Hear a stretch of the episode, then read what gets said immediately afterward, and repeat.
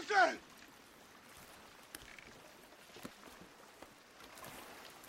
Wilson! Wilson!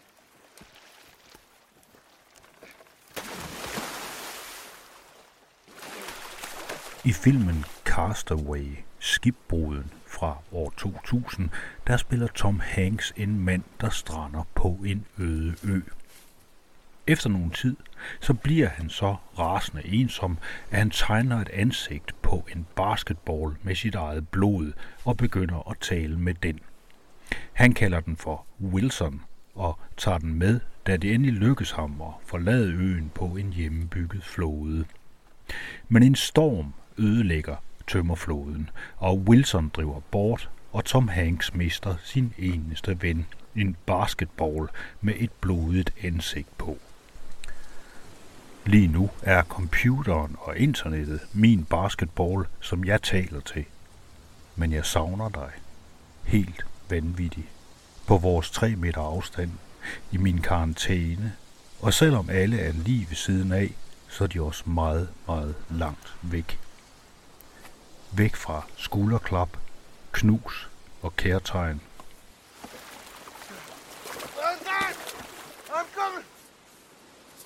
Så jeg ringer ud og prøver på at fange verden med stemmen. Tager I den? Wilson! Hallo?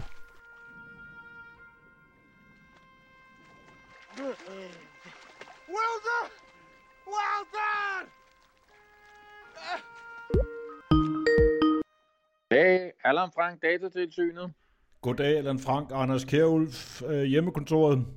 Goddag, Anders Kjærulf. Det er også hjemmekontoret her. En fraktion af Datatilsynet. Hvor befinder fraktionen af datatilsynet sig hen lige nu? Jamen lige nu er vi øh, i en udprikket omegn omkring Damhussøen i Valby Nord, tror jeg, vi kan kalde det. Oh, ja, det er jo lige før du ved siden af mig. Jeg befinder mig også i Valby, men det er så inde i omkring Valby Center. Så Ja, øh, det, ja, ja, ja. ja. Der, der, jeg ved, hvor Damhussøen er. Det er den er. Du er ude og gå tur simpelthen. Nej, jeg, jeg, sidder, jeg sidder på mit, øh, om man så må sige, hjemmekontor og kigger over på to kønsfrustrerede alliger, der er ved at slæve en alt for stor gren ned i naboens skorsten. Det lyder som en dårlig idé. Ja, for alligen. ja. men underholdning i timevis, vil jeg tro. Ja, ja, ja, det er jo det. Man er jo nødt til at finde goderne her i livet i denne isolationstid. Ja, I er alle sammen gået hjem. Vi er ikke gået hjem, vi er gået på hjemmearbejde. Vi har fraktioneret os ud i vores bestanddele, om man så må sige, og så har vi hver fået vores hjemmearbejdsplads med hjem. Altså, nu har jeg jo faktisk lige her i går, der har jeg jo siddet og snakket netop hjemmearbejdspladser med folk. Ja, Hvordan, altså hvad, når, når I tager fra datatilsynet, tager jeres hjemmearbejdspladser med hjem, hvad, øh, hvad, hvad tænker I så over? Hvad, er der så nogle ting, man ligesom skal være opmærksom på, når man skal sidde derhjemme, i stedet for at sidde på arbejde? Ja, der er jo flere, der er jo flere aspekter i det. det. Det vigtigste aspekt er jo, at man sørger for at benytte de øh, remedier og adgang, som ens arbejdsgiver har dømt til at være de sikre i den her sammenhæng. Fordi det er jo dem, der er den dataansvarlige. Det er data, datatilsynet i gåsøjne, der er dataansvarlige for de behandlinger, vi laver af fysiske personers oplysninger. De skal jo ligesom være sikre på, at den sikkerhed, de tilbyder også, den er fornuftig. Så det er, det er det første sted, man skal starte. Og så kan man jo enten fraktionere sig lidt ud, og hvis man er sådan en uh, paranoid stømper, som jeg er, så har jeg jo brugt uh, det meste af ja, sidste uge på at, at lave mit netværk om og skille det ad og få det fragmenteret på en sådan måde og lagt om, sådan at, at jeg har fået skilt mit eget netværk med en firewall, med en dedikeret firewall væk fra arbejdets netværk nu i den her sammenhæng. Men øh, det er jo kun fordi, at jeg er mig. Du kalder dig selv en paranoid, du er en paranoid stømper. Jeg er en paranoid stømper, ja. Det er lige mig. Hvordan er sådan nogen? Ja, men det ved jeg ikke. Altså, jeg tror bare, jeg går lidt mere op i det end gennemsnittet, og det er jo bare min indgangsvinkel til det. Jeg kan sagtens forstå, at andre har en, en anden tilgang til det, men min tilgang er jo bare, at jeg, gerne vil, jeg altid gerne vil separere mit arbejdsliv fra mit privatliv. Det gælder også mit digitale arbejdsliv fra mit digitale privatliv. Øh, og desuden så prøver jeg jo også at få så meget analogi ind i som overhovedet muligt, men udgangspunktet er stadigvæk, at vi kommer ikke udenom at bruge de digitale midler, hvis vi skal have det her til at fungere Bare sådan nogenlunde i hvert fald. Det er jo så netop det, der er situationen lige i øjeblikket. Det er, at der sidder rigtig mange danskere derhjemme nu, og som, som måske for nogens vedkommende for, for første gang skal begynde at sidde og arbejde derhjemme. Øh, hvad dit gæt på de udfordringer, de har, hvad vil det være? Ja, altså, jeg kan jo komme i tanke om 700 almindelige praktiske udfordringer, men hvis vi ser både i databeskyttelsesretlig sammenhæng, så er udgangspunktet jo, at de nu skal til at arbejde med folks data i en anden kontekst end den, de er vant til. Vi har i løbet af den tid, der er gået siden af, lad os bare, sige, lad os bare kigge på den tid, der er gået siden forordningen fik anvendelse i Danmark den 25. maj 2018, så har vi jo vendet os på vores arbejdsplads til at være gode og omhyggelige og få tjekket alle tingene, og de rutiner, vi har på arbejdspladsen, de er sådan nogenlunde ved at være på plads. Men lige pludselig hiver man jo folk ud af den dagligdag, de er vant til at sidde i, og ind i en ny kontekst. Og det gør, at der kan komme øh, nogle af de der øh, menneskelige fejl eller nogle situationer, som man måske som dataansvarlig arbejdsgiver ikke har tænkt på oprindeligt, når man sender folk hjem på deres hjemmearbejdspladser. Kunne, du give, kunne der være nogle eksempler? Altså, hvad, hvad vil du tro det? Men hvad skulle man være særlig opmærksom på? Du siger, at du har startet med at hjemme hos dig selv. Der har du med at splitte dine to netværk. Det er jo vel for, for at være sikker på, at der ikke er nogen, der blander sig i dit arbejde også. Altså, så der ikke er nogen, der hacker dig, for eksempel. Lige præcis. Og, og, og, og, og udgangspunktet er jo, at, at de arbejdsgiver, der stiller en sådan løsning til rådighed, skal jo være sikre på, at man har en fornøden adgang, der er krypteret, altså man har en VPN-adgang, og den VPN-adgang, den skal være øh, etableret allerede fra starten af, sådan at der ikke kan sidde en eller anden øh, mand i midten på ens øh, hjemme-wifi og suge data ud i forhold til det her, hvis det skulle være interessant for en sådan tredje mand at kaste sig ind i den øh, øh, i midten der. Men udgangspunktet er, at det er det, man skal holde øje med, og, og så være sikker på, at arbejdsgiveren har givet en en fornuftig VPN-adgang eller en direkte opkobling til de øh, sagssystemer, man arbejder med til daglig. Også mere sådan, at man ikke får opfundet nogle lokale systemer, som ikke har den sikkerhed, som det setup, man har på sin normale arbejdsplads har. Det, der vil også kunne blive et problem, det er, at der er jo en tendens til de maskiner, vi har stående derhjemme, der blander vi ligesom tingene. Der er det også sådan noget, men om der er også lige noget fra nogle spil, vi spiller i vores fritid, og så er der noget med nogle børn, som også skal være på et eller andet, og vi skal også lige følge med i Aula og alt sådan nogle ting. Det må også kunne give nogle problemer.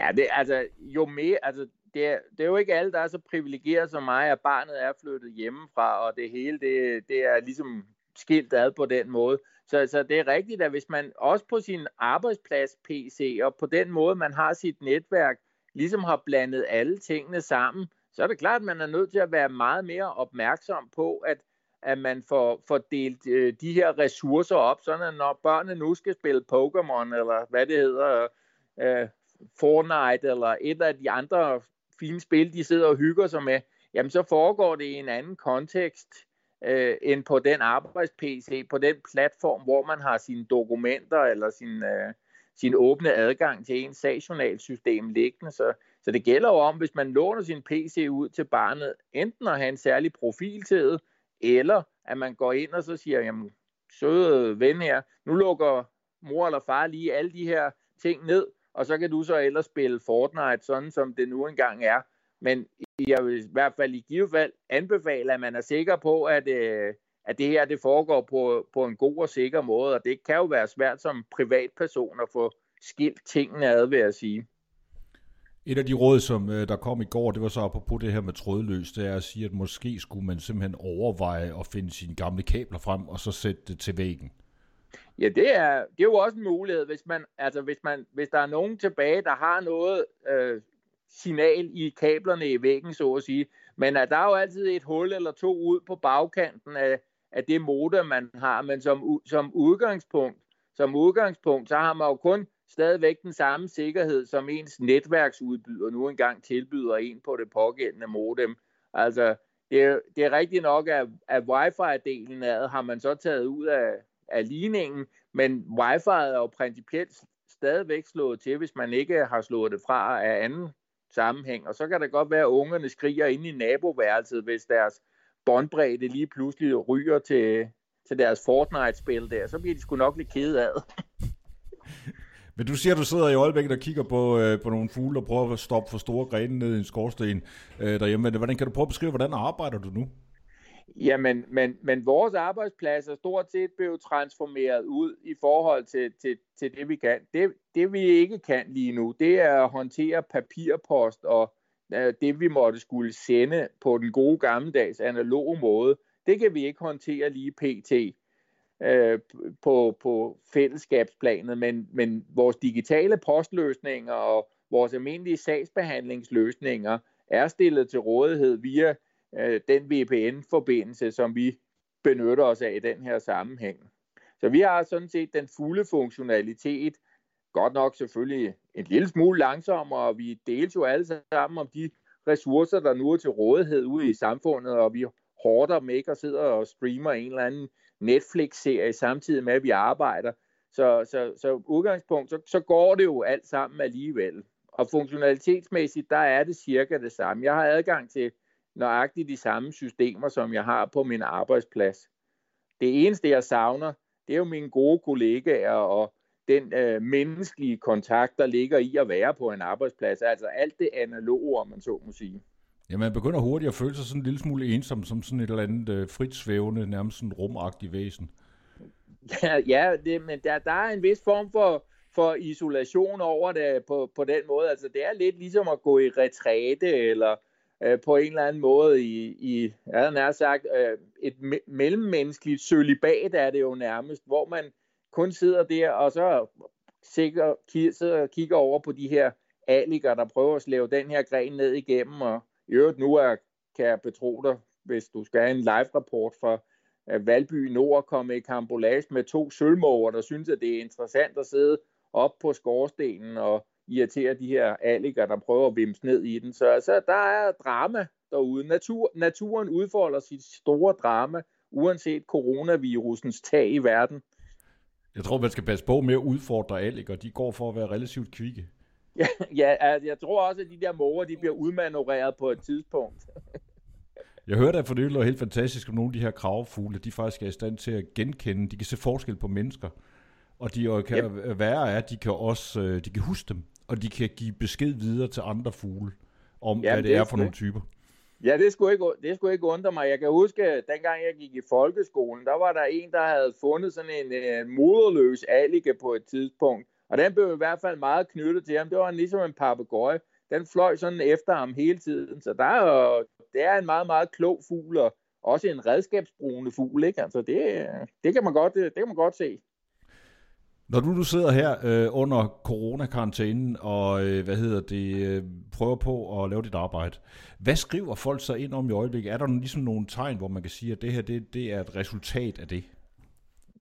Nej, altså jeg, jeg synes generelt, at, at det er det er jo ikke business as usual, det vil være forkert at sige, men, men det er jo generelt de samme problemstillinger, vi, vi ser i øjeblikket, som vi har set hele tiden. Det er jo typisk det der med, at folk kommer til at sende noget til en forkerte, fordi at, eller også hvor de brugt deres system på en forkert måde, og dermed kommer til at enten slette nogle oplysninger, eller øh, gemme nogle oplysninger et forkert sted, eller sende noget, der ikke er blevet krypteret ordentligt. Altså, og det er lidt de samme problemstillinger, som vi plejer at se. Så som udgangspunkt, så er den måde, man laver hjemmearbejdspladserne på, de fleste steder i hvert fald, der er det jo netop en adgang til det bagvedliggende sagssystem, som man plejer at bruge, og dermed også med den sikkerhed, bortset fra at man så bruger øh, en VPN-forbindelse for at komme i kontakt med den her, så, så er det lidt, lidt de samme problemstillinger, øh, vi ser. Og jeg har ikke set ret mange af dem der med, at min søn har øvrigt også læst alle papirerne, eller min mand har fået kom, kommet til at gå ind på min profil på, på min computer, og dermed fået adgang til mine oplysninger på arbejde. Jeg synes ikke, jeg synes ikke det er den slags, vi ser i hvert fald af anmeldelser på brud på persondatasikkerhed lige i øjeblikket. Det kunne vel måske godt være sket alligevel. Der er jo ikke rigtig nogen, der opdager det.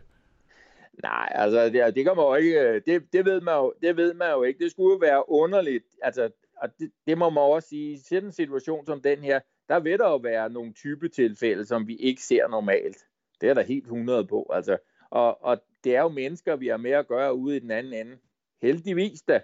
Øh, og der er jo kun mennesker til at løse de problemer, der er i forhold til det her, og lave det arbejde, der nu engang skal laves, også på hjemmearbejdspladserne. Øh, og derfor så vil, så vil det jo typisk ske fejl. Der vil jo være situationer, hvor lille nuller sidder ude på toilettet og kalder på far, som skal løbe væk fra computeren, og så kommer en eller anden teenage-datter forbi og lige siger, nå, der er der en ledig PC, jeg kan kaste mig over, eller et eller andet i den stil. Det er jo selvfølgelig et fuldstændig tænkt scenarie, men jeg kan godt forestille mig, at det forekommer. Man har hørt så galt. Jeg tænkte på, at der, noget af det, jeg, i går hørte jeg historie fra andre folk om, at der for eksempel, øh, et af de problemer, vi jo har, det er jo også, at, at, at meget af den kommunikation, som måske netop før var analog, man kunne ringe til sin læge, eller man kunne tage ud og snakke med sin læge, den foregår jo nu sådan semi-elektronisk på forskellige vis. Og der har været nogle, nogle, nogle historier om, at der for eksempel er, der har været læger, som har lavet Facebook-grupper, øh, hvor folk sidder og snakker og sådan noget. Øh, hvad, hvordan ser det ud rent, hvad skal man sige, øh, datatilsyns GDPR-mæssigt? Hvor meget må man bruge de her sociale medier på? Render man ikke ind i nogle problemer, hvis, hvis folk begynder at sidde og snakke om, om sygdomme og alt muligt andet øjser derude? Jeg synes i hvert fald ikke, at, at det er noget, man skal gøre ugennemtænkt. Øh, som, udgang, som udgangspunkt gælder alle reglerne jo stadigvæk i, i databeskyttelsesforordningen. Og selvfølgelig er vi en, en helt særlig situation nu, og vi var jo nødt til at stå i en situation, hvor folk enten ligger og dør, eller ikke kan komme til deres læge, fordi de ikke kan kommunikere med dem. Når det så er sagt, jamen så gælder reglerne jo stadigvæk. Og jeg tænker ikke, at Facebook er det mest øh, oplagte øh, medie at bruge i forhold til de her situationer. Jeg tænker, at der må, der må være noget, hvor man har mere som dataansvarlig læge i den her situation, mere øh, overblik over, hvad det er for en sikkerhed, man omgiver det med. Men derfor ikke være sagt, at det er den yderste konsekvens, hvis alt andet måtte være svigte i en enkelstående situation, øh, godt kan være rigtigt at bruge det. Altså, jeg vil jo heller ikke øh, nogensinde være i en situation, hvor folk ligger og dør, øh, ja, hvis det skulle være. Altså, det, det, det er jo lidt det er jo lidt det scenarie, man er op imod i forhold til, til, til databeskyttelse. Og der er jo også, øh, man skal også i forhold til databeskyttelse tænke på, det er jo ikke noget universelt krav. Altså, der kan jo godt være øh, retskrav eller ting, man har i forhold til sin person og i forhold til de rettigheder, man har som menneske, øh, som kan være vigtige. For eksempel det at overleve, det synes jeg er relativt nemt at afgøre i sit hoved, at det nok tæller lidt tungere end om en eller anden tilfældig har fået læst ens mail. Men derfor er Facebook nok ikke den rigtige vej ind i det her.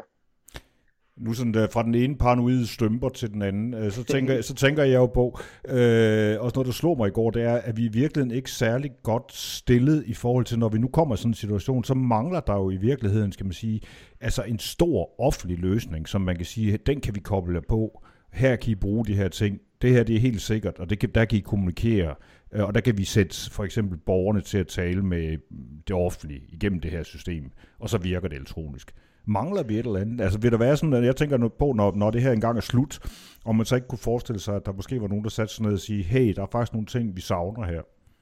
Mm, men det, altså, det, det vil jeg overhovedet ikke udelukke, sagtens kan forekomme. Jeg vil så sige, i Danmark er vi jo relativt godt begunstiget, fordi meget af den kommunikation, der er i hvert fald både i forhold til den offentlige sektor, men også store dele af den private sektor, er jo netop baseret på en eller anden form for fortrolig, fortrolighed og fortrolige løsninger. Altså vi, vi bruger jo ofte en eller anden form for krypteret forbindelse ind i forhold til den måde, vi taler med vores øh, kommune på, eller vi taler med vores forsikringsselskab eller bank på. Så mange af de løsninger er vi jo heldigvis langt foran i Danmark. Man kan jo kigge rundt i Europa, og så kan man jo se, at det der teleworking, som de nu kalder det rundt omkring i andre lande, at det er jo i sit infantile stade, selvom at mange af os måske, eller mange er, er blevet overrasket af at skulle bruge det i praksis her i, i Kongeriget Danmark, jamen så er det jo endnu værre andre steder, og der har de jo ikke de løsninger, vi har, både i forhold til offentlige og private.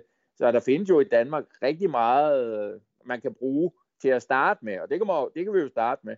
Om det skal være en fælles offentlig løsning til at gøre et eller andet sikkert, jamen det kunne da være, det kunne da være en mulighed.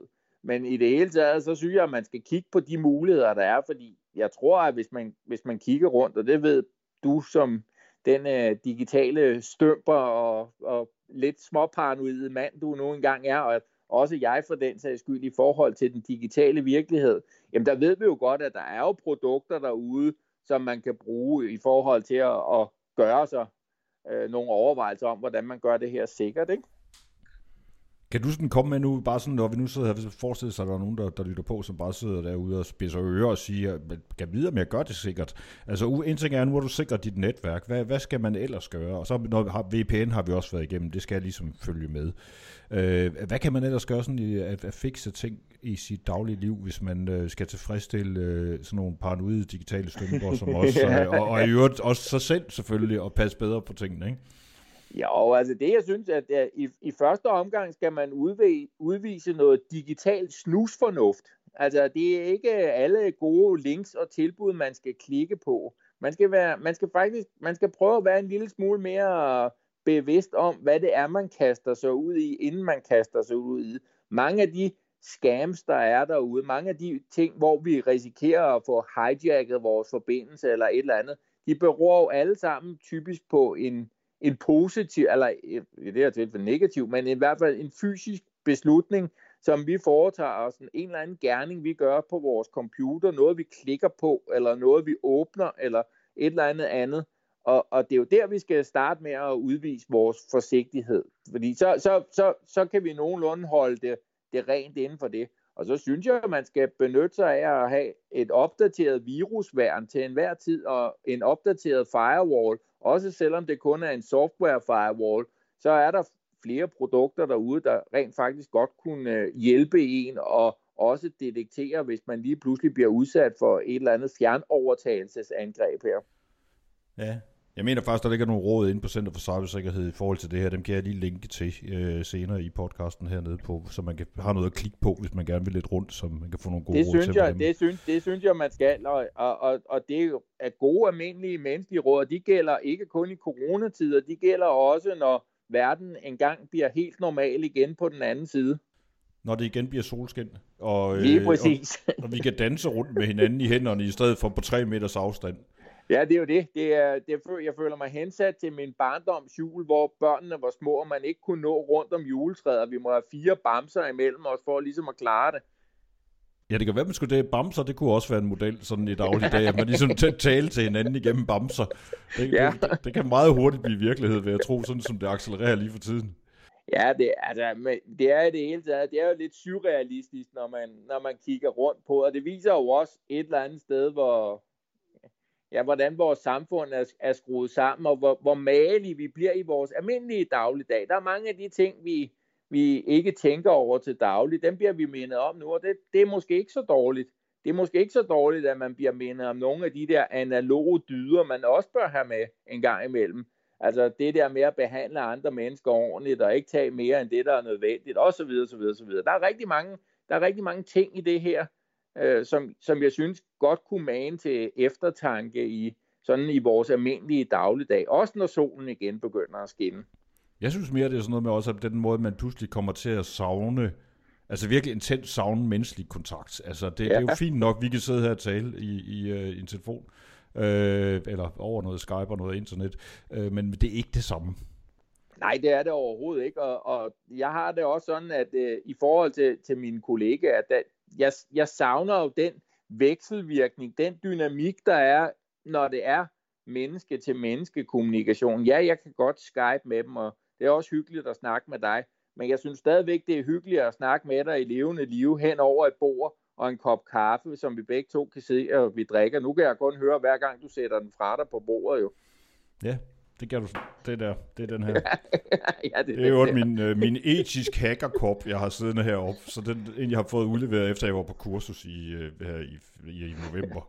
Så det, den er meget fin. Der er et billede af sådan en af de der hacker med, du ved, hættetrøjer på. Og så Ja, ja, ja, er det ja, meget ja. for- fornemt. Det er virkelig det væsentligste, man kan få ud af sådan en kursus. Det er sådan en, det er sådan en kop, det er en hackerkop. En Ja. hackerkop, som jeg nu har Ja. her, stående fast ved siden af mig. Men øh, jamen, jeg tænkte på, måske har vi sådan været lidt rundt efterhånden. Jeg har i hvert fald optaget da godt 22 ske. minutter. Det kan da så- godt ske. Jeg tror, at de der alliger har opgivet få den pind. De har i hvert fald hentet en, der var mindre og forsvundet ned i hullet nu, og mågerne er også lettet. Så jeg tænker, at det måske er en passende afslutning herude fra den udprægede omegn omkring Damhussøen, Valby Nord. Ja, mange tak skal du have, Allan Frank. Ja, Datatilsyn. men du er altid velkommen, Anders. Kan du have en rigtig god dag? I lige måde. Hej hej.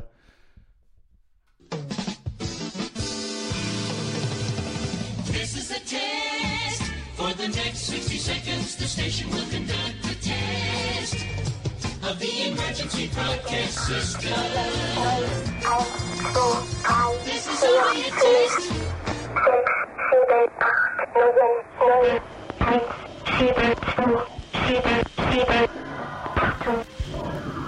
I'm sorry, Wilson! Wilson, I'm sorry! I'm sorry! Wilson! I can't! Wilson! Wilson!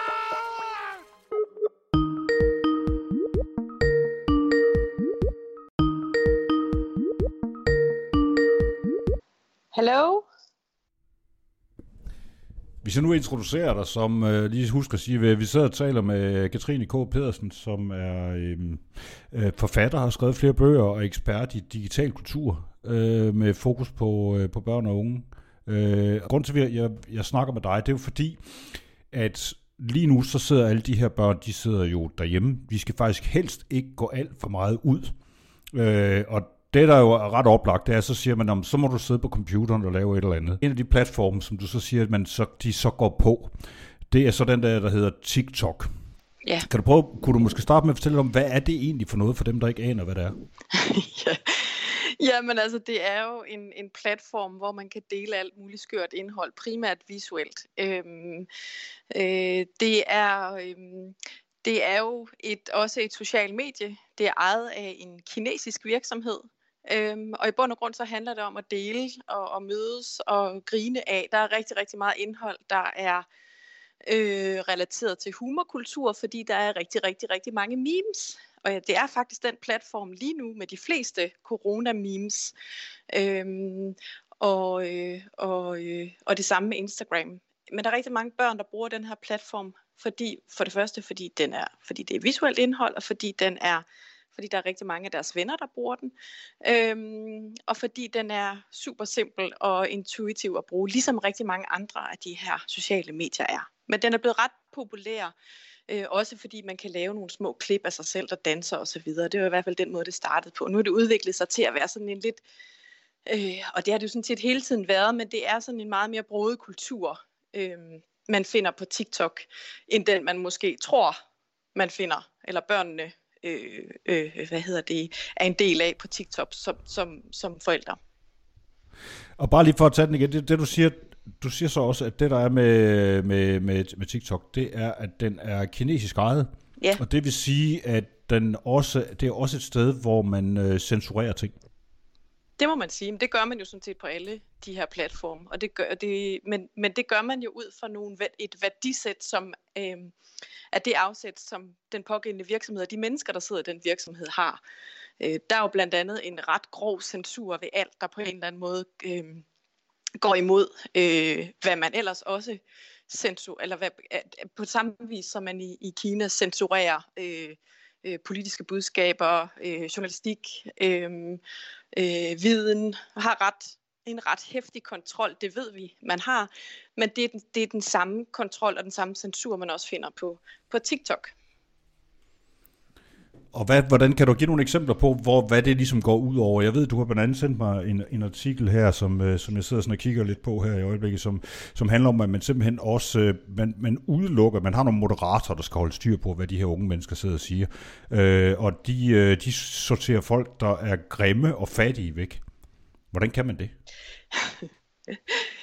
Ja, og kan man det? Det kan man jo nok heller ikke. Men jeg tror at det hele taget, det handler om, at der er, og det er ikke kun Kina, det skal man også huske på, der er også mange af de platforme, der er udviklet i Silicon Valley, sådan set spiller efter den, de samme regler, at vi, vi vil helst se på noget, der er, vi vil helst ikke se på noget, der, der er grimt og ulækkert. Øh, det vil vi måske, hvis vi kan blive lidt forskrækket, eller hvis vi kan synes, det på en eller anden måde bliver noget, noget der øh, øh, er sjovt eller betagende, men vi vil allerhelst, vi, vi, vi logger af, hvis, hvis vi har for meget gram, grimt i vores newsfeed. Øhm, det, det er ikke nødvendigvis sandt, men det er meget den model, der arbejdes ud fra.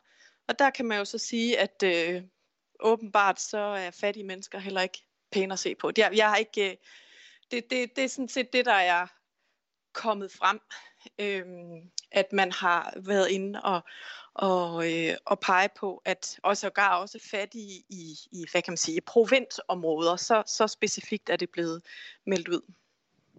Og det er jo noget insider, det er jo insiderviden, og det er jo nogle af de her moderatorer, som, øh, som nogle af de her journalister har fået, øh, fået i tale. Mm de her børn og unge, som, som jo så nu sidder og, og klamrer sig til deres iPads og øh, mobiltelefoner rundt omkring, øh, mens de keder sig helt vildt, ved at tro, efterhånden, hvis de har siddet inde relativt længe. Øh, noget af det, de gør, øh, som du ved noget om, det er, at de, øh, de memer. Altså, de laver det, der hedder memes. Så det er jo sådan, det, for dem, der heller ikke ved, hvad det er, så det er typisk en, en tegning eller et billede, eller med en lille tekst under, så den, så den får en eller anden form for svirp. Det her øh, corona i sig selv, det er blevet øh, genstand for rigtig mange memes. Mm. Hvad, er, hvad er det, hvad, hvad, hvad bruger de, de unge, hvad, hvad, hvad skriver de om i den sammenhæng? Altså der er sådan set, man kan sådan set tegne en direkte tidslinje. I starten handlede, og man jeg tænker, den bedste måde at beskrive det på, det er jo en joke. Det er den samme måde, som vi bruger humor til, øh, som vi jo altid har gjort, når der er ting, vi ikke rigtig forstår, og ting, der er svære. Så mødes man, det er fællesskabsdannende, og og, og, og samles om at få et smil på læben af noget, der måske er lidt hårdt, så bliver det hele lidt lettere. Så det er sådan set det, de her, det er funktionen med de her memes. Øh, så findes der selvfølgelig meget forskellige humorkulturer. Der er nogen, der er grove, der er nogen, der er lette, og der er nogen, der er mere mainstream. Men der, hvor det startede, det var ret, øh, de memes, der i starten blev produceret, handlede rigtig meget om Kina og om øh, coronavirus. Så var det rigtig meget Italien, der blev fokus. Og nu handler det rigtig meget om toiletpapir og håndsprit, eller mangel på samme og hamstring. Så man kan sige, at udviklingen er ret, ret meget det er gået fra at være bestemte øh, områder, og en eller anden, hvad søren var det egentlig, og meget i forhold til konspirationsteorier. Var det en random mand, der lavede denne her virus, og hvordan gik det galt? Og, og så er det så udfoldet sig til nu at blive et globalt fænomen, der vedrører os alle, som rigtig meget handler om den der sådan, øh, hvad kan man sige, forbrugerkultur, og også det fuldstændig absurde i, og tragikomisk i, at det vi går allermest op i, når, der ram, når en sundhedskrise rammer, det er at, undskyld mig, æde skide. Ja, det gør vi jo. Det er sandt. Øhm, øh, og det, det? og det har, det har særligt TikTok har det, er der ekstremt mange af de, jeg tror det er 11 milliarder eller sådan et eller andet. Der er virkelig, virkelig mange memes, der handler om det her. Der handler om om, altså der er dommedags memes, og der er, øhm, der er også en masse boomer hate, altså en, et, øh, en, hvad kan man sige, gør grin med ældre generationer og kalder den her coronavirus for en boomervirus, altså det er kun de gamle, der kan dø af den, og på en eller anden måde er det jo helt grotesk sort humor, det er forfærdeligt, fordi det er jo sådan, det er. Men ikke desto mindre, så denne her sorte humor, denne her satire og denne her øh, det tragikomiske bliver på en eller anden måde en måde at være i det på. Og det er helt tydeligt, at det gør børnene rigtig meget lige nu. Så er det selvfølgelig forskel på, hvor gammel man er, og hvad man synes, der er sjovt. Øhm, I ungdomskultur er det, er, det, er, det, er det så ret meget til grænsen, kan man sige. Og der er så også, et, et, der er så også en bestemt slang, der følger med, som, øh, som man måske ikke nødvendigvis kan forstå, hvis man er en boomer som mig, for eksempel. Nej, og boomer, det er, det er du ikke. Du er faktisk ikke gammel nok til at være boomer. Altså, jo, rigtig, bare lige for dem, dem der, nej, dem, det, det, er i hvert fald, boomer startede i hvert fald, som jeg husker det, det, det der startede det jo med at omhandle, skal man sige, dem der øh, 68-generationen i virkeligheden. Den store, øh, tunge generation, som er dem, der er øh, ja, sidst i 50'erne. Mm. Øh, I hvert fald. Vi andre, vi har fået nogle andre betegnelser, så jeg tilhører det, der hedder Generation X, tror jeg nok. Øh, og hvad hedder det? Så kommer der nogen længere nede, som er Y og Z og sådan noget. Men så kommer, du spørger, men hvis du spørger en Gen Z, så vil vedkommende helt klart sige alle over 25, for det er egentlig ikke så meget den generation, som vi betegner det på. Det er mere det her med, at man overhovedet taler om de unge som en gruppe eller taler om, at sådan gør de unge nu til dags. Det er mere som dem, der ligesom kan vi gør nu. Ligesom ja. lige præcis vi gør lige nu. Jeg ja, ved, så vi, okay, søn, vi er boomer. Jeg vil ja. ved, min søn vil sige, at det er mega boomeragtigt, det vi har kørende lige nu, Anders. og vi skal måske også lige have den på plads igen og sige, hvordan er det her, hvordan er det her startet, det her boomer noget igen, for dem, der ikke, altså, der sidder folk forhåbentlig og lytter på det her, som ikke aner, hvad vi snakker om. ja. Ja, det er også det, der er super svært, når man kigger ind i denne her internetkultur, fordi der er meget af det, der er enormt, øh, hvad kan man sige, øhm, sådan forbundet til trends og modediller og ungdomskultur. Ofte så vil det jo også være en, en slang tilknyttet det, som man måske ikke lige har hørt før. Men det her ord boomer er jo sådan set noget, der eksisterer rigtig længe, og jo egentlig bare en betegnelse af irriterende voksne, der kalder, der for eksempel siger, at alle unge gør sådan og sådan, at alle unge går rundt med og kun kan leve deres liv gennem en skærm, eller alle unge, øh, der er unge i dag, de mødes ikke ude i den fysiske, eller hvad det nu kan være. Alle mulige forskel, og sådan har det jo altid været, at ældre generationer har kunne udtrykke et eller andet ungdom nu til dags. Og det er så en betegnelse, der er knyttet til det i dag, øh, hvor man så siger, at når man gør det, så er man boomer, og den måde, som det så er foregået på igen i den her meme-kultur, i den her humorkultur, som er virkelig fylder rigtig, rigtig meget på internettet og rigtig, rigtig meget i digital børne- og ungekultur, der har man så sådan, hvad kan man sige, givet igen til alle de her ældre generationer, der bare vil hate på de unge, der bare vil sige, øhm, kategorisere dem som værende på en bestemt måde, så er det jo et eller andet sted en, et tilbage, øh, hvad kan man sige, et, en, en fuckfinger til os alle sammen. Øhm, og der er jo så forskellige, alle mulige forskellige boomer øh, jokes, som øh, for eksempel det her med, at coronavirus er en boomervirus. Den hedder, jeg sidder og kigger på en her, som du har sendt mig, øh, som er lavet en, der hedder Hottie Boy 33, øh, som er sådan, der, der, der er sådan tre øh, æbler i øh, venstre side, der er sådan et fint rødt i det, så er det et, der er gult, og så er der et, der er hvidt. Og det første, det er så coronavirus, den næste, den hedder så COVID-19, som er det, der er blevet den officielle betegnelse, og den sidste, der kalder han det så en boomer remover. Altså ja. en, der fjerner boomer, og det bliver jo helt farvet over. Ja, det, det er da også det er noget værre grotesk.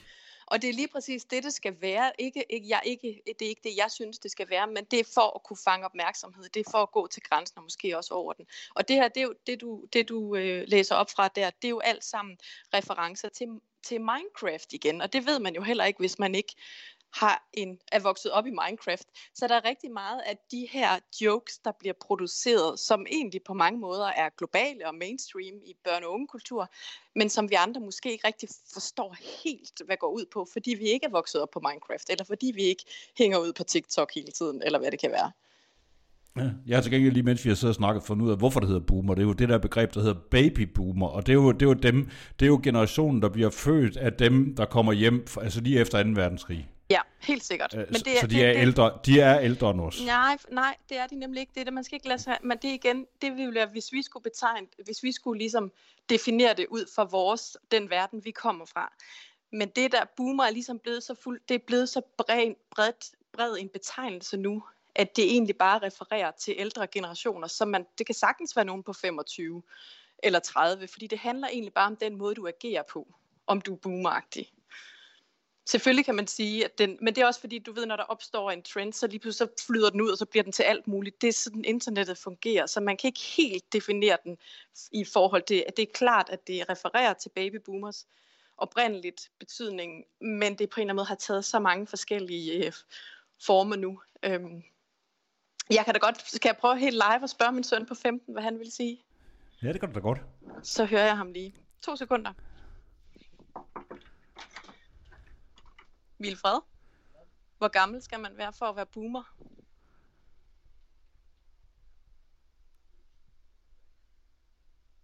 Bare et bud.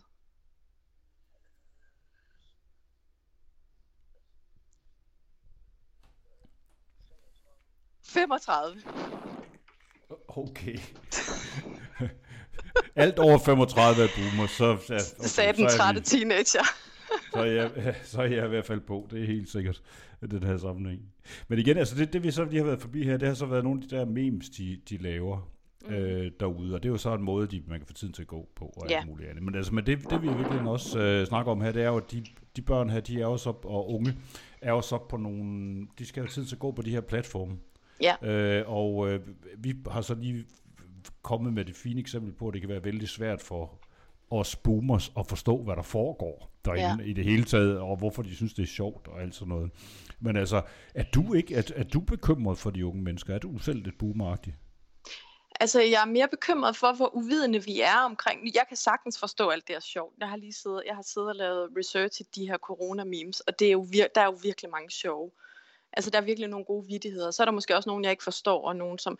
Men jeg kan godt forstå, at man synes, det er sjovt. Jeg kan sådan set også godt forstå, at man synes, det er sjovt at have TikTok, og jeg synes, Instagram er fedt, og de her forskellige ting. Men, og det er sådan set ikke det. Det, det, det er bagsiden af det, og det er alt det skjulte, som vi ikke er viden omkring. Og den måde, som rigtig meget øhm, det, der styrer øhm, den kultur, som børn interagerer i. Fordi vi ved jo, at, at, at, øhm, at det er med til at påvirke adfærd og fællesskaber og værdier. Øhm, og, øh, og det er jo på mange måder sådan, at, øhm, at man skal på en eller anden måde være... Øhm, man skal være opmærksom på, hvad det er for nogle øh, fællesskaber, som vores børn tager del i. Øhm, og det er mere det, jeg tænker på, at det er noget med, som jeg ikke... Øh, jo, jeg er bekymret for, at vi som den voksne generation aldrig nogensinde kommer til at forstå en brik af, hvad det er for et ansvar, vi har over for vores børn og unge, også når de er online. Det er jeg bekymret for. Fordi vi har en tendens til at lægge ansvaret fra os. Og det gør vi egentlig meget simpelt ved at kalde dem for for eksempel digitalt indfødte. Det er vi heldigvis holdt lidt op med. Øhm, men, øhm, men, det er jo, men det handler jo for eksempel noget om, det er jo ikke fordi, man så skal sige, åh nej, Kina styrer TikTok, vi skal løbe skrigende bort. Men det handler bare om, at, hvad, at når man har en viden tilgængelig, så vil man agere på en anden måde. Men der har vi været sådan lidt videnforskrækket. Vi vil helst være fri for at vide, at det også er en propagandistisk struktur, som Facebook er bygget op på, og som de forskellige andre, som Fortnite er bygget om på. At der er virkelig en, at der er nogle, øh, at der er nogle elementer i de her nye teknologier, som er dybt foruroligende i forhold til, hvad vi ellers ville, hvad skal man sige, bare kalde for, i forhold til barnets tag. Men, og det tænker jeg, det er jo ikke ens betydende med, at jamen, så lukker vi det hele ned og flytter til Sverige og bor i en, i en, i en øh, langt ude på en, i en hytte, eller, eller vi, vi, vi, men det handler jo om at være kritisk, lige så vel som man er i alle mulige andre sammenhænge, når man opdrager børn, og når man øh, øh, i andre sammenhænge underviser børn. Øh, øh, i børnehaver for den sags skyld. Og, og der synes jeg, der synes jeg, at vi har været for, hvad kan man sige, vi, vi er ligesom sprunget over, hvor gader laves, og så har vi bare sagt, det forstår vi ikke noget af. Det er kun programmører og softwareudviklere. Det kan vi andre ikke. Det kan, det, det kan vi ikke finde ud af. Men det kan vi virkelig, virkelig godt. Fordi de her folk, der sidder og udvikler de her produkter, de putter jo nogle ingredienser i, som øhm, nogle værdier i, som ikke nødvendigvis er hensigtsmæssige for vores børn.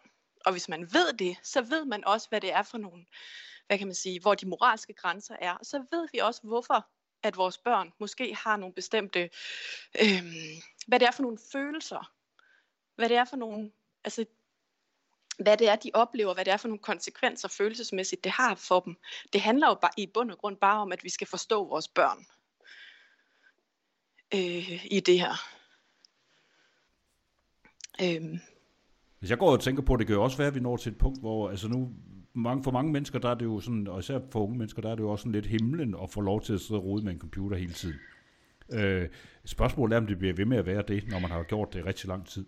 Altså jeg vil sige her i vores nabolag, der er det meget tydeligt, at øh, ungdom nu til dags, kan jeg jo godt sige, fordi jeg er boomer, øhm, mødes i klynger og deler joints og dåseøl og alt muligt, som de altid har gjort. Jeg tror simpelthen, det er naturstridigt for dem. Og, og jeg, øh, jeg ved ikke, om politiet på et eller andet tidspunkt kommer til at sætte ind, men, men hvad kan man... Oh, den er svær, ikke? Ja, de bliver meget vanskelige at holde dem øh, og styre de der unge mennesker, fordi de vil ud og tale med hinanden. De, de længes vil... også efter andre mennesker.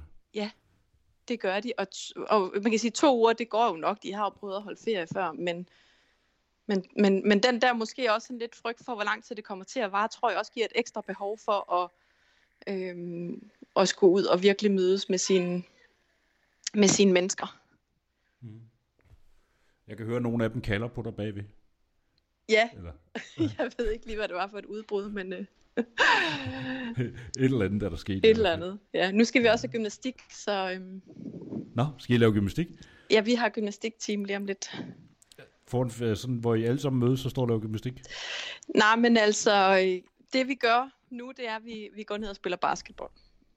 Nå, no. og, ja, det er godt. Øh, det, øh, det, det går vores gymnastiktimer ud på. Mange tak skal du have, Katrine K. Pedersen, for, øh, for samtale om børn og unge og platformen, og hvad vi skal måske hvad vi skal holde øje med, os boomers, sure gamle mennesker, i forhold til de unge. Selv tak. We might just make it. Did that thought ever cross your brain? Well, regardless, I would rather take my chance out there on the ocean than to stay here and die on this shithole island, spending the rest of my life talking to a goddamn volleyball!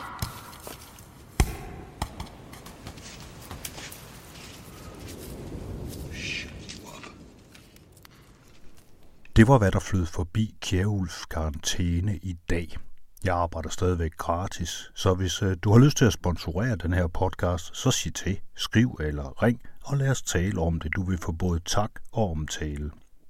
Jeg vender tilbage fra min tømmerflåde i morgen med flere opkald ud i verden. Imens så må du passe på dig selv, nu hvor vi ikke længere kan passe på hinanden, og i stedet må holde afstand, holde ud og holde af.